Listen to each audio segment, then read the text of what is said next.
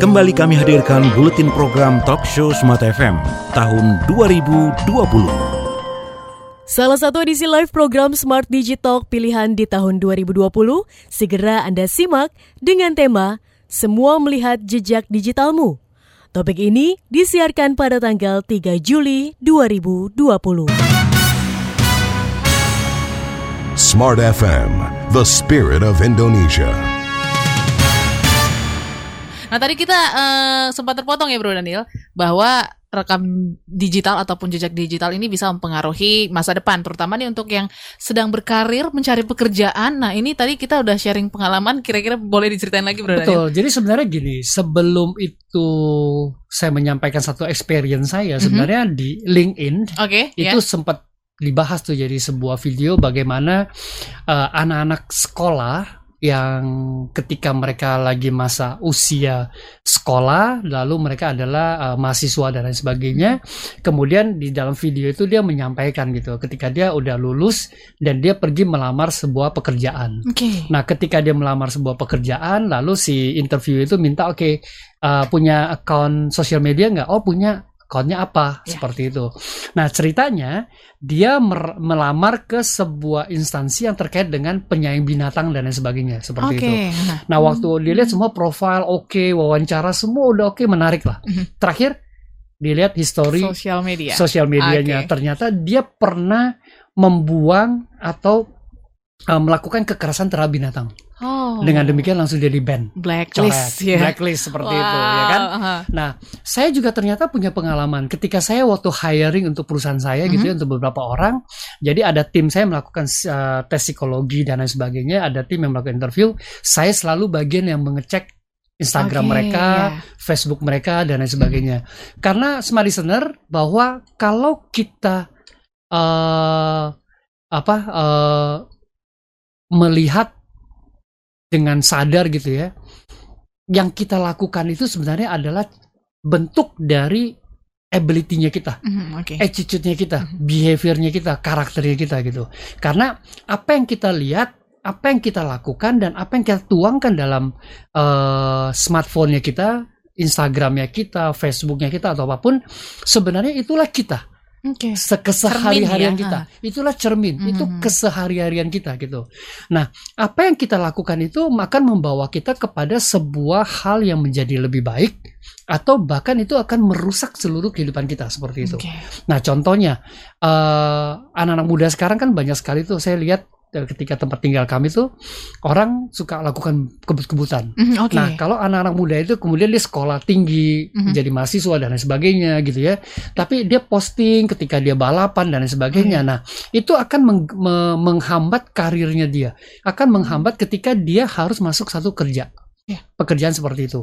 Nah, itu yang pertama. Yang kedua, saya juga kemarin hire beberapa orang, dibilang dia orang desain dan lain sebagainya. Mhm. Saya ingin lihat portfolionya. Oke. Dan saya mau lihat portfolionya itu harus ada di sosial media, media. mereka. Mhm. Itu kelihatan. Bahkan ketika saya lihat beberapa orang dengan sosial media yang baik gitu ya. Wah, ini keren nih portfolionya. Mhm. Panggil orangnya. Jadi bisa terbalik. Bisa waktu mereka lamar, kita lihat sosial media mereka Aha. ataupun melalui sosial media mereka kita cari orang itu. Oh, seperti ya. itu. Nah, itu kita bisa mengenal. Jadi Mhm. sifatnya adalah uh, dua arah. Ya, ya. Itu adalah jejak yang kita buat. Mhm. Itu adalah hasil-hasil yang kita tuangkan dalam kesehari-harian kita untuk menggambarkan sebenarnya siapa kita. Oke. Seperti itu. Nah, kalau kita tidak sadar, kalau ketika kita tidak sadar, sebaiknya kita tidak melakukan.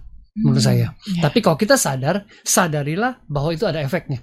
Seperti itu. Contoh, eh, saya mengikuti satu Instagramnya seseorang gitu ya, dia cukup tinggi di satu perusahaan, Oke. eh, tapi dia hobi masak.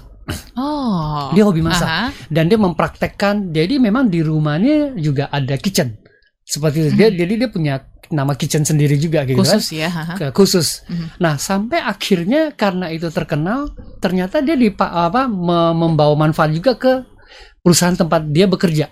Akhirnya mereka membuka semacam kayak selama work from home ini untuk refresh Aha, pegawai-pegawainya. penatan gitu Iya, ya. aha. jadi eh, dia menerapkan cara masak dan lain sebagainya karena memang dia di bidang pelatihan, training dan Hmm, oke. sebagainya. Nah, itu ada cara yang baru. Mhm. Dan itu kan sebenarnya mutual. Ya. Jadi orang tahu kan, tahu dari mana? Oh iya, sosmed. karena saya lihat sosmednya ibu kan Aha. gini gini gini. Ah oke, kayak gitu kan. Oke. Nah itu itu adalah contoh jejak uh, digital yang membawa manfaat dan yang bagus seperti itu. Oke. Bahkan beberapa orang Indonesia, saya melihat uh, anak-anak Indonesia yang mer- mereka sangat cerdas, sangat luar biasa menggunakan sosial uh, media, Media. mereka untuk mendesain, Hmm. sehingga itu mereka open, jadi tidak di private. Lalu mereka follow beberapa studio-studio besar dan lain sebagainya. Jadi tiap hari mereka menghasilkan karya-karya karya-karya. Supaya Dan dilirik ya. supaya dilirik. Nah Ah, begitu dia oke. oke dipanggil Aha. seperti itu. Nah itu bisa sebenarnya, sebenarnya jejak itu adalah se- sebuah jejak yang kita bisa jual sebenarnya kayak Hmm. gitu. Atau bahkan jejak yang kalau kita nanti bahas tentang negatif itu bahkan bisa mencelakakan kita. Oke. Contoh Mhm. uh, di Facebook, Iya. Uh, kalau nggak salah tahun lalu malah ada beberapa anak-anak muda uh, apa uh, generasi milenial Millennials, oke. ya lagi patah hati gitu kan kemudian oh dia menuangkan Galau semua gitu ya. galau isi Ah, hatinya semua di oke. Facebook nah itu buat orang tertentu wah ini kebaca nih Mhm. ya kan nah waktu kebaca dia mulai merancang hal-hal yang sifatnya jahat akhirnya terjebaklah si anak ini makanya ada yang dibawa kabur Hmm. Ya. dari rumah gitu lain penculikan bahkan ada yang sengaja karena mereka chatting gitu ya ya namanya juga hati lagi galau gitu Mhm. ya terus ada yang menawar kebaikan ketemulah janjian jadi datang Mhm. nah itu adalah akibat-akibat dari jejak digital mereka perbuat Mhm. seperti itu nah tadi pagi tadi pagi persis saya nonton Pagi banget video ya. Ah, kenapa rumah ini kehilangan dua unit sepedanya dia Oke.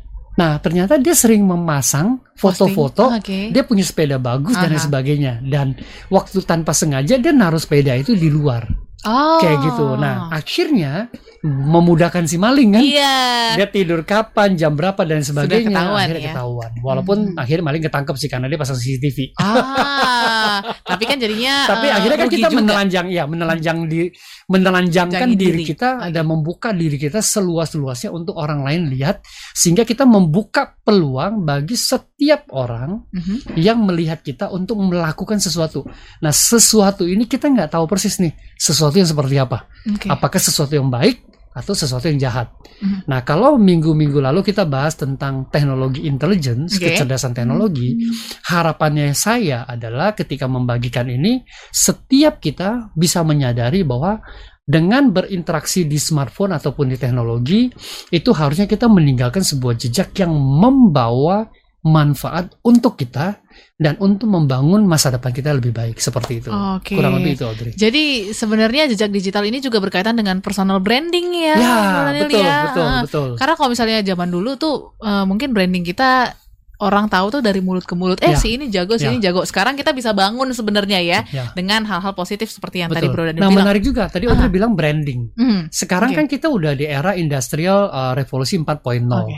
Terus yang sangat diperlukan sekarang adalah orang-orang yang punya ide kreatif-kreatif. Iya. Nah, kreativitas itu bisa kita tuangkan Mhm. melalui sosial Sosial media, media. kita punya. Aha. Seperti itu. Bahkan sampai ketika kita tuangkan itu bisa kita pakai untuk berbagai macam tujuan Oke. dan tujuan yang baik seperti itu. Ya kan, bahkan dengan sosial media atau dengan semua rekam jejak kita di internet dan lain sebagainya itu bahkan bisa membantu kita untuk menjadi seseorang yang sangat terkenal, Iya. punya brand. Aha. Nah, seperti itu. Oke, jadi bukan kita yang ngejar-ngejar peluang, peluang yang ngejar Iya, kita justru ngejar ya. kita dong, kayak gitu, Ah, ya kan? keren banget. Betul, betul, deh. betul. Oke, kita ke pertanyaan dulu Bro Daniel ya. Ada ya? Oke. Ah, ah, kita ke pertanyaan dulu dari Pekanbaru dari Mas Vicky ya. Terima Oke, kasih banyak. Selamat malam Mas Vicky. Ah, jauh nih yang nanya ya. Bro Daniel, please apa saja kira-kira eh, kira-kira apa kita bisa nih ya punya pemikiran futuristik ya dan kita ki- eh, dan di Indonesia sendiri kira-kira perlu nggak sih ada kawah seperti Silicon Valley karena dia baca ini menarik banget nih ada orang Indonesia yang kerja di sana dengan wacana futuristiknya yaitu seperti upload nyawa gener- eh, genetic engineering nano engineering dan lain sebagainya Oke. tanggapan Bro Daniel Mas gimana? Vicky, sebenarnya kalau dibilang bisa atau nggak bisa, secara umum saya Mhm. menyampaikan bahwa manusia diciptakan oleh Tuhan itu dengan amat sangat luar biasa punya otak. Oke. Bahkan kalau kita belajar tentang brand management Mhm. dan kecerdasan yang kita punya, itu utilisasi kita tuh less than 3%. Oke. Kayak gitu. Haha. Saya kasih contoh paling gampang segini. Uh, kita semua pasti udah tahu lah pesawat terbang itu beratnya berapa ton, Oke. ya kan? Aha. Bahkan dia bisa terbang dan melawan gratif apa gratifikasi ah. kayak gitu berat bertonton bawa penumpang ratusan kemudian dia bisa terbang ke atas dan Mhm. melawan grati apa eh, Gravitasi. gravitasi Aha. seperti itu kan dan itu diciptakan oleh siapa manusia. manusia. Mhm. ya kan Elon Musk Iya. ya kan sekarang kita udah bisa tuh wisata ke Mars gitu Iya. ya saya lagi daftar nih pengen Waiting list ya. Iya, waiting list gitu kan waiting ke berapa tahu lah ya nah artinya manusia punya kemampuan yang amat sangat luar biasa. Oke. itu secara umum. Mhm. apalagi kalau kita lihat di Silicon Valley dan lain sebagainya. Kita lihat China. China itu sekarang dalam 2008 sebelum 2008 kita tuh lebih baik dibanding dengan China. Mhm. tapi sejak uh, 2008 kemudian adanya Alibaba dan sebagainya boom mereka tuh naik dan canggih sekali. Apalagi selama pandemik COVID-19 ini mereka menciptakan begitu banyak robot bahkan uh, banyak sekali apa uh, uh, automation automation yang dia create dalam waktu yang sangat cepat seperti itu Mhm. Artinya apa? Bisa nggak? Bisa. Nah, kalau kita balik ke Indonesia, inilah yang menjadi beban saya bahwa bagaimana kita bisa membangun kualitas manusia Indonesia yang tidak menyerahkan dirinya kepada si smartphone. Oke. Kita udah pernah bahas itu Aha. kan? Kita itu mengutilisasi smartphone atau smartphone yang mengutilisasi kita. Kita. Nah, itu terbalik kan? Aha. Nah, apakah kita dihook oleh smartphone itu atau kita yang menggunakan smartphone-nya dengan smart way Mhm. seperti itu? Kenapa? Jangan sampai orang Indonesia terutama jangan Oke. sampai kita menjadi bodoh karena kita tergantung sama smartphone, Mhm. kemudian smartphone kita makin pinter karena dia punya mesin learning. Iya. Apalagi kalau kita bicara artificial intelligence. Intelligence. Oke. Namanya juga artificial intelligence. Mhm. Intelligence yang dibuat, ya kan? Dibuat oleh siapa? Dibuat oleh manusia. Kalau kita nonton ada film server, ada film beberapa AI di YouTube itu ada satu serial yang sangat bagus banget tentang AI. Mhm. Kita bisa bayangkan manusia bisa menciptakan seperti itu. Dan komputer itu bisa jalan seperti itu. Bayangkan manusia menciptakan. Mhm. Dan jumlahnya nggak banyak manusia yang seperti itu. Oke. Nah, kalau kita membuat Silicon Valley di Indonesia itu sangat dimungkinkan. Nah, kalau kita lihat di Indonesia, yang kita harus sedih adalah dan yang kita harus berdoa untuk Indonesia, kita harus hidup menjadi orang-orang yang maju dan menggunakan brain kita Mhm. untuk menciptakan sesuatu yang lebih baik. Makanya karena di Indonesia kita jarang dibatas, apa jarang difasilitasi. Oke. Kemudian orang-orang yang punya passion yang sangat tinggi, dia keluar negeri. Akhirnya Iya. bekerja di sana, Di sana. mengabdilah di sana. Dan Sementara justru populer dan banget itu ya. populer. Aha. Bahkan mereka menjadi populer baru dihargain, Ya. ya kan? Oh dari orang udah- Indonesia udah nih. ya. Aha, udah Bahkan kemarin eh, dua tahun lalu kalau nggak salah ada beberapa orang Indonesia Mhm. itu bisa sampai dua warga negara. Wah. Bahkan ada orang yang orang Indonesia sendiri yang pulang yang kita tidak diakuin. Bisa bayangkan nggak? Seperti itu. Jadi harapan saya adalah dengan adanya Smart Digitalk, saya punya tugas untuk mengedukasi, untuk membangun awareness kita bahwa dengan fas, eh, bonus demografi kita Mhm. dan di tahun 2035 nanti harusnya Indonesia menjadi negara yang sangat maju, negara yang sangat kuat. Karena orangnya udah banyak. Iya. Nah, orang inilah yang kita harus bangun Mhm. uh, apa kualitas-kualitasnya gitu. Oke. Jangan sampai mereka terhook oleh yang namanya smartphone, dan Smartphone. sebagainya gitu. Kan kita udah berapa kali bahas yang paling Aha. gampang kan? Berapa banyak dari kita menghafal nomor, Nomor handphone. handphone. Ya kan? Nggak ada handphone, Pusing pusing langsung. kita kan. Mau ngomongin siapa gitu iya, ya. jadi kita Aha. udah sangat tergantung. Iya, jadi kita iya. nggak menggunakan lagi seperti itu. Nah, itu yang bahaya. Jadi screen time menggunakan handphone itu harus dibatasi. Oke. Terus menggunakan otaknya kita. Tetaplah bersama kami dalam buletin program Talk Show Smart FM sepanjang tahun 2020.